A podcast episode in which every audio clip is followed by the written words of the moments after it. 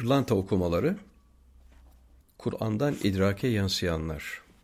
Giriş Kur'an-ı Kerim topyekün beşeri ve cinleri muhatap olarak ele alır, onlara emirler verir. Bazı yasaklar ortaya koyar. Onların ve şeytanların sözlerini alır nakleder. Bunların hepsinde o her zaman mucizevidir. Ancak bu mucizevilik Kur'an-ı Kerim'in sadece bunları nakletmesi itibariyle değil, aynı zamanda naklediş keyfiyeti, kullandığı malzeme ve seçtiği motifler itibariyledir. Ayrıca verdiği haberlerin gaybi olması yönüyle de diğer bir mucizevi durumun mevcudiyeti söz konusudur. Evet, her şeyden evvel Kur'an-ı Kerim'de kullanılan malzemenin seçilişi harikuladedir. Kur'an-ı Kerim ele aldığı konuları öyle bir malzeme ile ve öyle farklı bir uslupla ifade eder ki daha ötesinde ifade olamaz. Ve böyle bir ifadeye ne cin, ne insan, ne de melek güç yetiremez.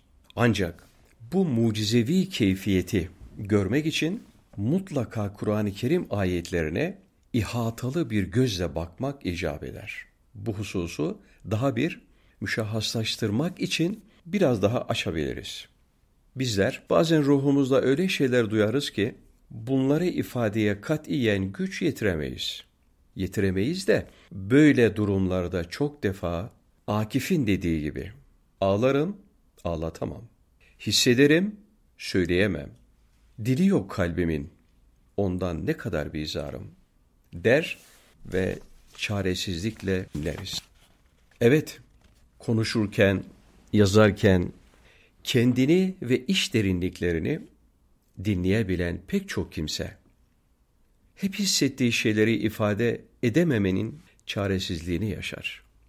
İşte bu bir yönüyle acizlik demektir. Her şeyi çok kolaylıkla ifade edebilene kıyasla böyle bir acizlik mutlak veya nisbi diğerinin mucizeliğini netice verir. Mutlak planda bu seviyede tek bir ifadeler mecmuası varsa o da hiç şüphesiz Kur'an-ı Kerim'dir. Şimdi Kur'an-ı Kerim ayetleri bu zaviyeden ele alındığında diyebiliriz ki Kur'an-ı Kerim'in konuşturduğu şeytan olsun, cin olsun, melek olsun ya da Firavun, Nemrut, Şeddat olsun. Maksadı ifadede kullanılan uslup tamamen Kur'an-ı Kerim'e aittir. Bu uslup öylesine harikuladedir ki bütün işari, remzi manalara açık olduğu gibi çok geniş yorumlara, tefsirlere de müsaittir. Ve onun dışında hiçbir beyan, hiçbir kimse böyle bir maksadı o türlü malzeme ve motiflerle ifade edememiştir ve edemez de. İsterseniz şimdi konuyu daha farklı bir zaviyeden ele alalım. Her kelamın kalp, sır, hafi, ahfa gibi Rabbani latifelere bakan yönleri vardır. Ve genel ifade içinde bu latifelerinde hedeflenmesi söz konusudur. Kelam, bu mertebeler arasında mana yönüyle herhangi bir tenakuza, farklılığa sebebiyet veriyorsa, o bu kelamın eksikliğine delalet eder. Hemen, hemen bütün beşeri beyanlarda böyle bir eksiklik, nispet farkı mahfuz vardır. Kur'an-ı Kerim ise böyle bir nakiseden mualla ve müberradır. Burada şöyle bir hususta söz konusudur. Kalbe gelen manalar, tahayyül, tasavvur, taakkul gibi süzgeçlerden geçip de ayniyetini koruyarak telaffuz seviyesine ulaşabilmişse, konuyla alakalı mükemmel bir beyan yakalanmış sayılır. Bazen de bir kelam bu kademeleri ayniyeti içinde aşamaz. Nefsi kelam seviyesinde kalır ve telaffuz edilme şansını elde edemez. İçin içini bilenin onlara alıp seslendirmesi ayrı bir konu. Bu seviyedeki beyan türü idrakimize aşkındır ve konumuz dışında kalır. Bu itibarla biz burada sırf telaffuz edilebilen kelam üzerinde durmak istiyoruz. Eğer kelam tahayyüldeki şekliyle ifade edilebilmişse, yani niyet ve ifade azmi, ifadeyle uyum içindeyse, böyle bir kelam tamdır. Aksine tasavvur, tam tahayyülü kucaklayamamışsa, bu bir evvelkine göre kusurlu bir ifadedir ve eksik bir beyandır. Taakkul, kendine yüklenenleri ifadeye taşıyamamışsa, tasarıdaki bir kısım derinliklerde orada elenmiş demektir. İşte bütün bu süzgeçlerden süzüle süzüle tahayyül mertebesine göre pek çok şey kaybeden kelam eksik. Tahayyüldeki derinlikleriyle ifade edilebilen mana, mefhum ve niyet ise tamdır. Ve bu mükemmeliyetin biricik şaheseri de sadece ve sadece Kur'an-ı Kerim'dir. Ondaki bu mükemmeliyet, sözü kimden naklederse etsin, bir manada onun tahayyül ve tasavvur ötesi derinlikleri korumasında aranmalıdır. Bu yönüyle de bir başkasının böyle bir kelam ve beyana muvaffak olması imkansızdır. Evet, beşer veya başka varlıkların ki bunların başında cinler ve melekler gelir. Kelamlarında niyet ve tahayyül mertebesinde mana ve mazmunun yakalanıp ifade edilmesi mümkün değildir. Yani bizlerin söylenilen ölçüler içinde bir beyan ve bir kelama muvaffak olabilmemiz katiyen söz konusu değildir. Öyleyse bu mükemmeliyeti gösteren Kur'an mucizedir ve onun beyanı başkalarının bir şeyi ifadede ilk harekete geçirdikleri tahayyül ve niyetlerinin ifadesi olması itibariyle de bir taraftan vaka mutabık, diğer taraftan da mucizevi ve ilahidir. Bismillahirrahmanirrahim. İyyâke na'budu. Yalnız sana ibadet ederiz. Fatiha suresi 1'e 5.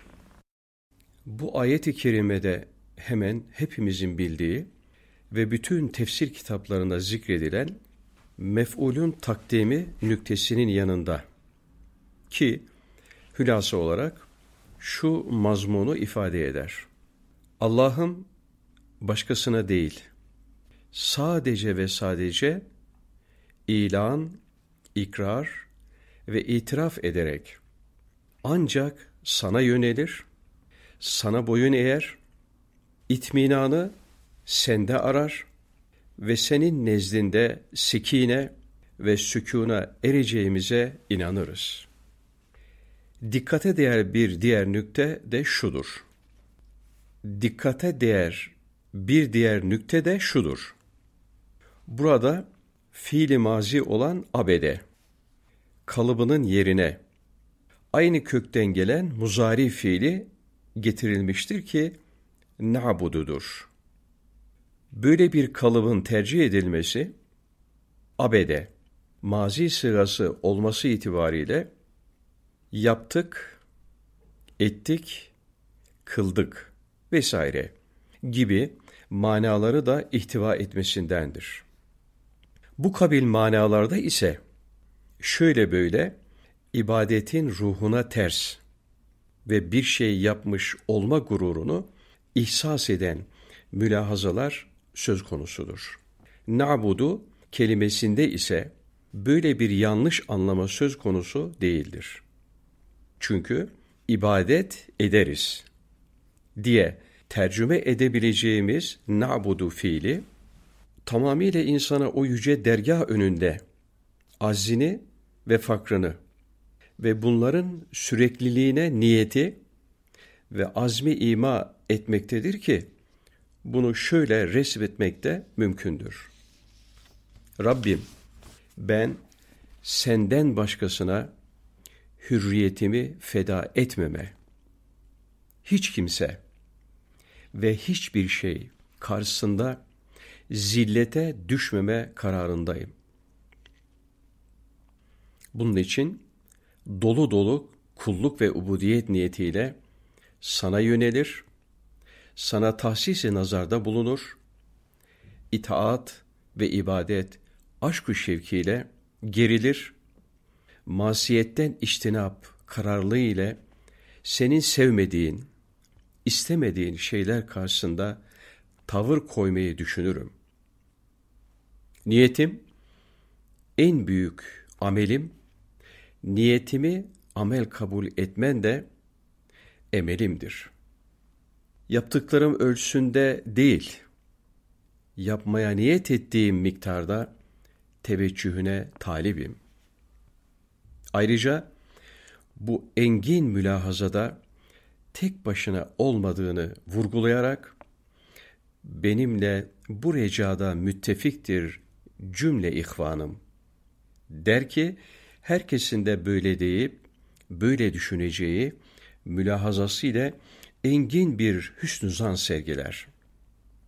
Ve aynı zamanda hem onların kendisine iştirakle teyit ve şehadetlerini yanına alarak cerh edilmeyen bir ittifakın vesayetinde kul, Hazreti Kadıyül Hacat'ın dergahına teveccüh eder ki, ancak böyle bir mülahaza ile hem şeytani vesveselerden sıyrılır, hem de uluhiyeti kamileye karşı tam bir ubudiyet tavrı ortaya koymuş olur. Bakara Suresi Bismillahirrahmanirrahim. Zalikel kitabu la raybe fihi huden lil muttakin. İşte o kitap onda asla şüphe yoktur. O müttakiler için aynı hidayet bir yol göstericidir. Bakara suresi 2'ye 2. Bu ayeti kerimedeki hüden manayı mastaridir. Bu ise fert hidayeti bulma adına kendi çabası, gayreti olmaksızın hidayete eremez ve onunla hedeflenen noktaya ulaşamaz. Manasını taşır. Diğer bir ifadeyle tenvin de nazar alınarak içinde şüphenin şemmesi olmayan bu kitapta müttakilere aşkın bir hidayeti Rabbaniye vardır. Müttakilere vardır zira onlar reybi şüpheden ari oldukları gibi hem şeriat-ı garranın emirlerini yerine getirme konusunda hem de şeriat-ı fıtriyenin prensiplerine riayet bakımından hazır ve hakkı kabule teşne. Dahası ön yargılı olmadıklarından böyle bir hidayetten istifade de ancak onlara müyesserdir. Ancak sayfanın sonundaki Ülaike ala hüden mir rabbihim cümlesindeki hüden hasılı bilmaslardır. Yani Allah'ın Celle Celaluhu kullarını hidayete masar etme adına yarattığı illet malul münasebeti söz konusu olmaksızın dilediği kullarına bahşettiği ve hüden ile ifade edilen vaki bir hidayettir. Buna ulaşabilmenin, bu kapıyı aralayabilmenin yolu ise lil müttakin kaydından anladığımız kadarıyla takva dairesi içinde bulunmaktadır. Böyle bir takvanın ilk mertebesi iman ve marifet. Son mertebesi ise Cenab-ı Hakk'ın rıdvanına ulaşmaktır. Fezlekedeki tasrihe göre de takvayı bu seviyede temsil edenler ancak kurtuluşa ereceklerdir. Ayrıca siyak sibak itibariyle ayetten her ne kadar hidayetin Allah'ın yaratmasına bağlı olduğu anlaşılsa da onun dünyada insanı emnü eman ve itminana ulaştırması, ahirette de vesileyi felah olması, muhatapların hür iradeleriyle ortaya koyacakları tavır, davranış ve seçeneklere vabestedir. Özellikle denebilir ki ilk hüden kelimesi bir sebep, ikincisi de lütuf dalga boylu bir netice ve ikisi birden Fatiha'daki ihdina duasına hem bir cevap hem de yoldakilere yol erkanını beyan gibidir. Bismillahirrahmanirrahim. Fi kulubihim meradun fezadehumullahu merada. Onların kalbi ruhanilerinde hastalık var. Allahü Teala Celle Celalu bunların hastalıklarını daha da artırmıştır. Bakara suresi 2'ye 10. Bazı tefsirler fezâdehumullahu merada cümlesini açıklarken el cezâ'u min cinsil amel şeklinde bir yorum getirmişlerdir. Şöyle bir yaklaşım daha doğru olsa gerek, Allah Celle Celaluhu onların kalplerindeki hastalığı artırdı. Zira onların niyet planında kötülüklerle içli dışlı olmaları. Bununla da kalmayıp fırsat buldukça bu kötü niyetlerini gerçekleştirmeleri, sebeplerin artışıyla neticenin katlanması demektir ki bu da tam bir fasit dairedir. Yani bir türlü kalpten sökülüp atılamayan, hatta sökülüp atılması dahi düşünülmeyen kötü niyetler. Başka kötü niyetleri doğurmuş, bu kötü niyetler üzerine yapılan ameller, yeni kötü ameller doğurmuş ve böyle bir fasit daire içinde münafık helak olup gitmiştir. Bu itibarla fezâdehumullahu merada cümlesi tefsir edilirken fasit dairenin tabii ve olağan neticesi denilmesi herhalde daha muafık olacaktır. Bir kere insan sağlığının tabii, hastalığın tali, fıtratı selimesinin esas, ruhi rahatsızlığının arizi olmasına binaen kalbin hıfzu sıhhatine bakmayanlar ve ona manevi karantina şartları hazırlamayanlar bu latife-i Rabbani'ye virüs kaptırmış olurlar.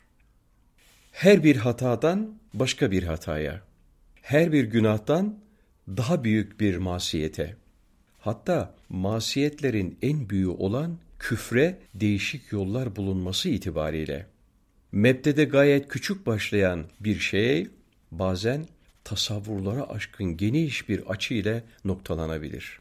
Münafıkların hastalığı bir akide bozukluğu veya şüphe ve tereddüt ise bu aynı zamanda potansiyel bir küfür ve ilhat demektir ki inayeti ilahiyle günahtan küfre uzanan halkalar kırılmadığı takdirde masiyet katlanarak inkarı netice verebilir. Hatta bazen Allah'tan nefsine uzanan çizgide her şeyden şüphe eden bir reybi başkalarını da kendine kıyas ederek o uğursuz düşüncesiyle herkesi ve her şeyi aynı marazın pençesinde kıvranıyor görür ve bu marazı ruhunda kat katıyla yaşar.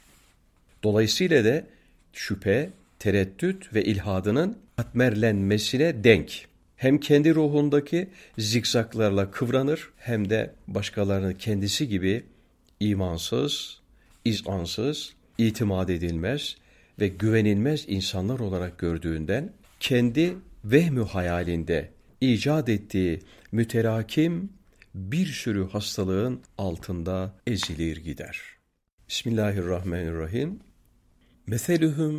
Meseluhum kemeselillezi istevkada naran felemme edaet ma havlehu zeheballahu binurihim ve terakehum fi zulumatin la yubsirun. Onların misali tıpkı bir ateş yakmak isteyen veya ateş yakanlar kıssasına benzer. O ateş yanıp da etrafını aydınlatınca Allah hemen onların aydınlığını veya göz nurlarını giderir. Giderir ve onları karanlıklar içinde bırakır. Artık hiçbir şeyi göremezler. Bakara suresi 2'ye 17. Ayet-i kerimede münafıkların iç dünyaları bir temsille müşahhaslaştırarak gözler önüne seriliyor. Münafıklar Müslümanlarla içli dışlı bir hayat sürdürdükleri için ara sırada olsa iman nurunu göz ucuyla görebiliyorlardı. Ancak kalp ve kafalarındaki o nifak, iman nurundan tam anlamıyla istifade etmelerine mani oluyordu. Evet, bunlar ya Hazreti Resul-i Zişan'ın sallallahu aleyhi ve sellem tutuşturduğu meşaleyi hafife alıcı nazarlarının matlaştırması veya fıtri istidatlarını ifsatlarının köreltmiş olması sebebiyle bakar kör haline gelmişlerdi ki zahiren bakıyorlardı ama meşalenin göz kamaştırıcı ile karşılaşıyor, ona im'an nazar edeceklerine ruhlarında harekete geçen dinamizmi şüphe ve tereddütleriyle nötralize ediyor ve tesirsiz hale getiriyorlardı. Hatta ışıktan istifade edip yol alacaklarına ondan nasıl bir yangın unsuru elde edeceklerini planlayıp duruyorlardı ki istevkade kelimesi bu iki tevcihede açık görünmektedir. Kafirlere gelince onlar iman ve onun nurefşan ışıkları ile hiç tanışmamış, onu hiç görmemiş ve onun büyüleyici kutsi atmosferine hiç girmemişlerdir. Bu sebeple kafirler şu ya da bu vesileyle iman nurunu bir defa vicdanlarında duyup hissedince küfre şartlanmışlar hariç daha ondan vazgeçmiyor ve hayatlarının geri kalan kısmını samimi bir mümin olarak geçirmeye çalışıyorlardı. Şüphesiz bunda ziya zulmet ölçüsünde küfür iman farklılığının tesiri büyüktür. Daha önce başka şeyler görenler bakıp onu tanıyınca yeni bir dünyaya uyanıyor ve İslam'ı bütün cazibedar güzellikleriyle görebiliyorlardı. Zaten her zaman İslam'ı ilk defa duyup yaşayanlarla Müslüman ülkelerde doğan, büyüyen ve yaşayan çok azı hariç kimselerin İslami hayatları mukayese edildiğinde yukarıda bahsini ettiğimiz husus daha bir açık olarak görülecektir. Bismillahirrahmanirrahim. Summün, bükmün, umyün, fehüm la yerciun. Onlar sağırdırlar. Dilsizdirler. Kördürler. Bu sebeple onlar içinde bulundukları halden geri dönemezler. Bakara suresi 2'ye 18 Summün bükmün umyun fehüm la ya'kilun Onlar sağırlar, dilsizler ve körlerdir. Bu sebeple düşünmezler. Bakara suresi 2'ye 171 Malini verdiğimiz ayetlerin biri münafıklarla, diğeri de kafirlerle alakalıdır. Görüldüğü gibi burada hazımsızlık, bakış zaviyesi ve haksızlık düşüncesinde münafıklar ve kafirler sağır, dilsiz ve körlükle aynı çizgide müşterek mütala ediliyorlar. Ancak ayetlerin fezlekeleri farklı. Birinde fıtrat-ı asliye ve eski hallerini bulamama, diğerinde ise akıllarını kullanamama söz konusudur.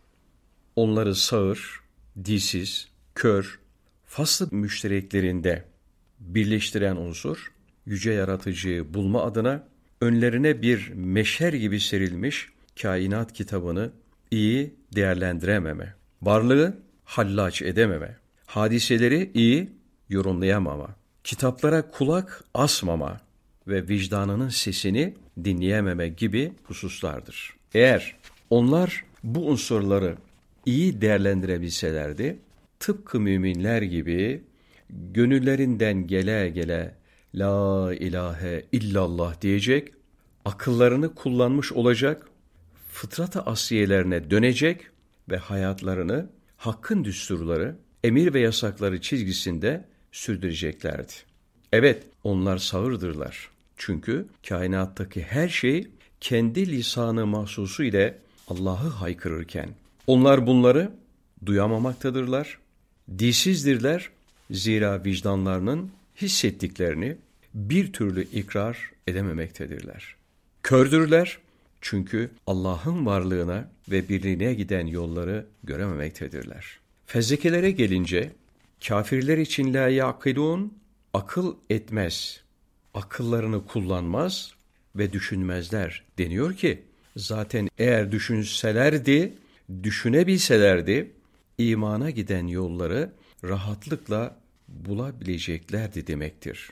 Nitekim Mekke'nin o mütemerrit ve muannit kafirleri.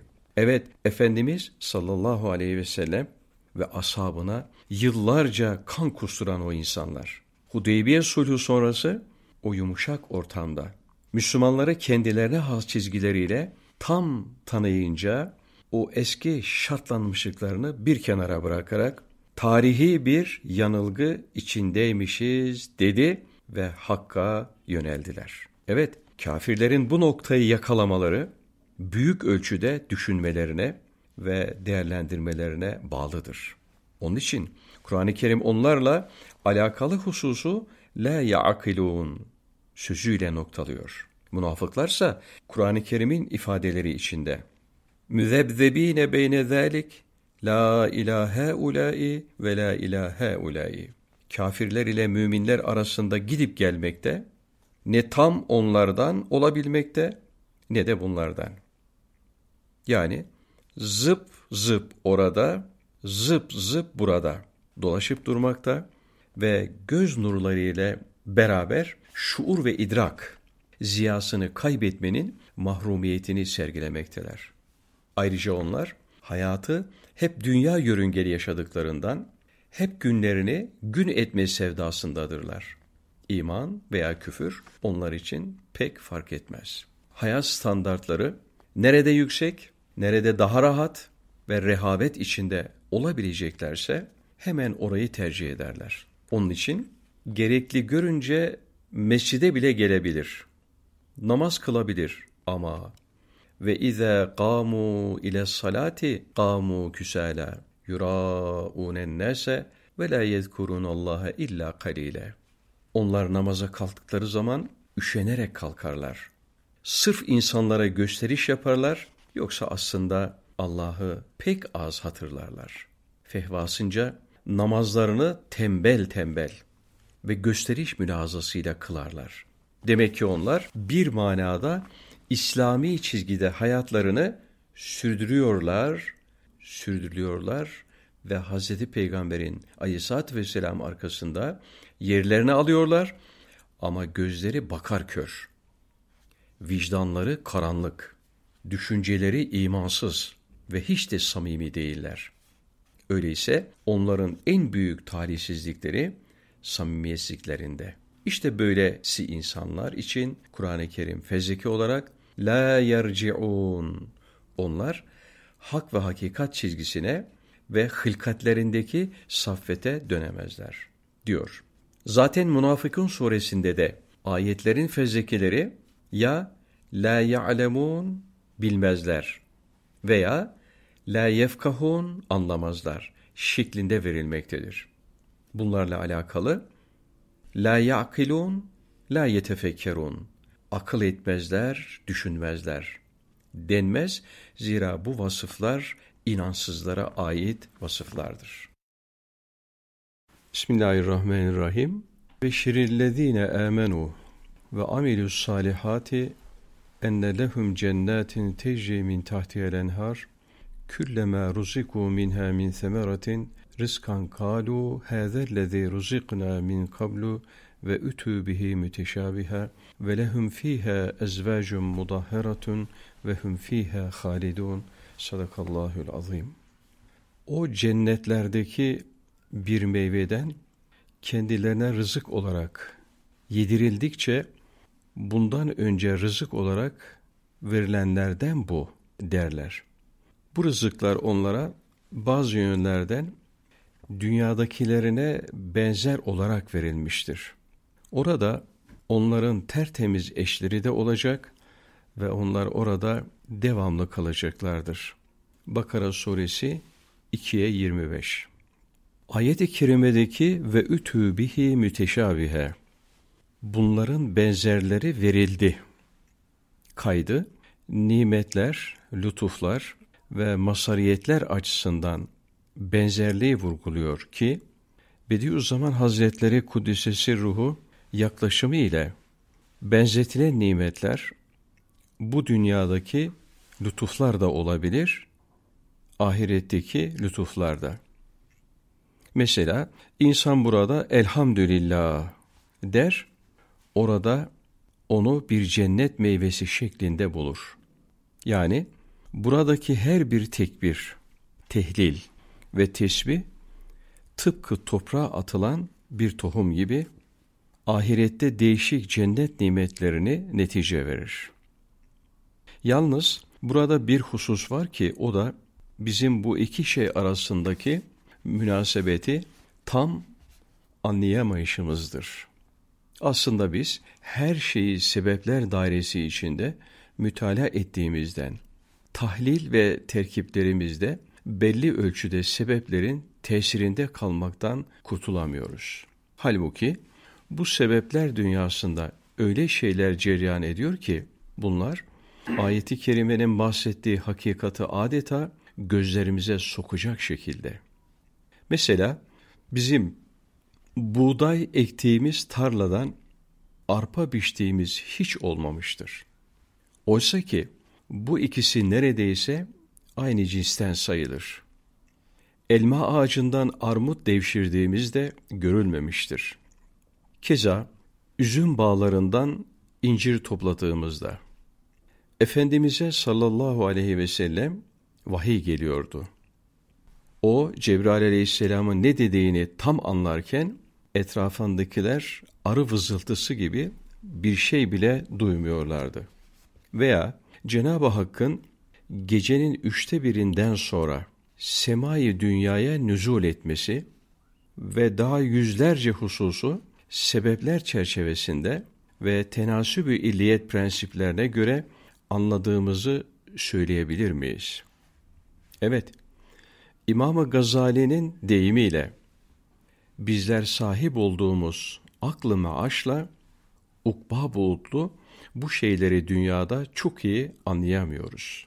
Fakat ahirette aklı meatle donatılacağımız ve her şey metafizik kanunlar çerçevesinde ceryan edeceğinden işte o zaman Sübhanallah deme ile cennet meyvesi yeme arasındaki münasebeti kavrayacak ve oradaki mükafatlarla buradaki amelin nasıl bir sebep sonuç alakasıyla irtibatlı olduğunu açık göreceğiz. Evet, o alemde artık fiziğin kanunları geçerli değildir. Mesela Efendimizin sallallahu aleyhi ve sellem beyanlarına göre namazımız kabirde bizim en iyisi cilisimiz, yoldaşımız, arkadaşımız olacaktır. Keza bir kişi cennetin sekiz ayrı kapısından girebilecek, Kur'an-ı Kerim temessül edip onu okuyanlara şefaatte bulunacaktır. Gelelim ayeti kerimeye. Fahrettin Razi'nin ifadesine göre Kur'an-ı Kerim'de bu misaller meselelerin akılla daha iyi kavranabilmesi için verilmektedir. İstibat edecek bir şey yoktur. İşin asıl mahiyetine gelince o gerçek çizgileriyle ahirette zuhur edecektir. Edecek ve ameli salih işleyen müminler cennet meyve ve nimetlerinden her rızıklanışlarında bu dünyada veya az önce cennette lütfedilen şeylerdendir diyecekler. Evet, her nimet ya bir amelin sevabı ve o sevabın temessülü veya oradaki sermediği lütuflar. Amel, tohum ve çekirdeklerinin başak ve sümbül vermeleridir. Bu itibarla da ikisi birbirine bir iç benzeyişle müteşabihtirler. Cennet bulutları itibariyle ise aralarında dünya kadar fark vardır. Zira biri hikmetin tohumu, diğeri kudretin meyvesidir. Biri sermedi televvüllü ve dupduru, diğeri gelip geçici ve küduretli. Biri zevki manevi derinlikli, diğeri cismani haz boğutludur.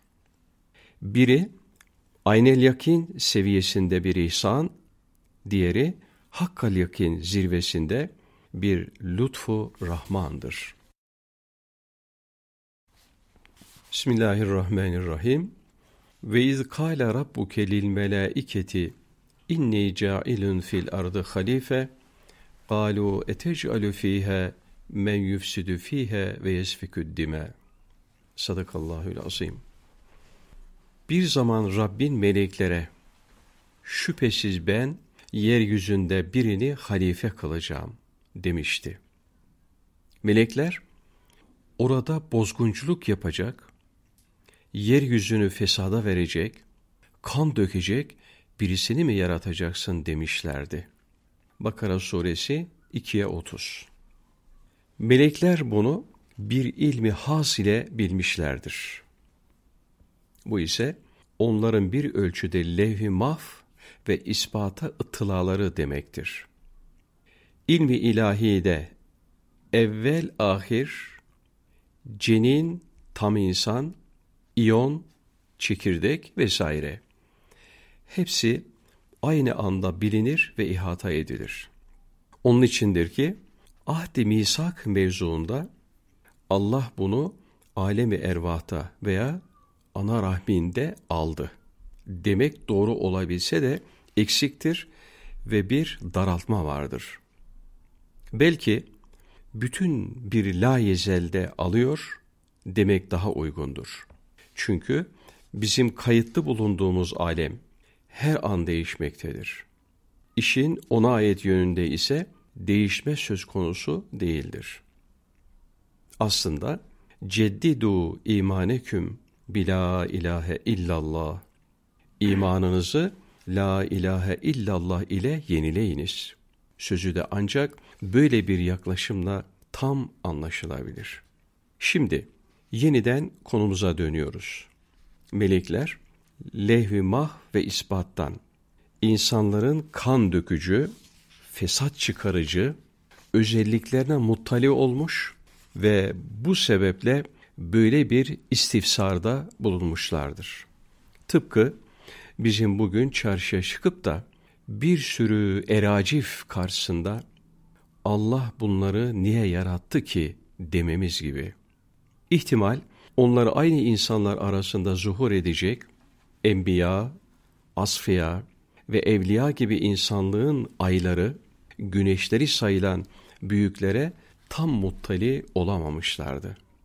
Zaten bundan dolayı da Allah Celle Celaluhu Gale inni a'lemu ma la ta'lemun. Ben sizin bilmediğinizi biliyorum diyerek onlara karşılık vermemiş miydi?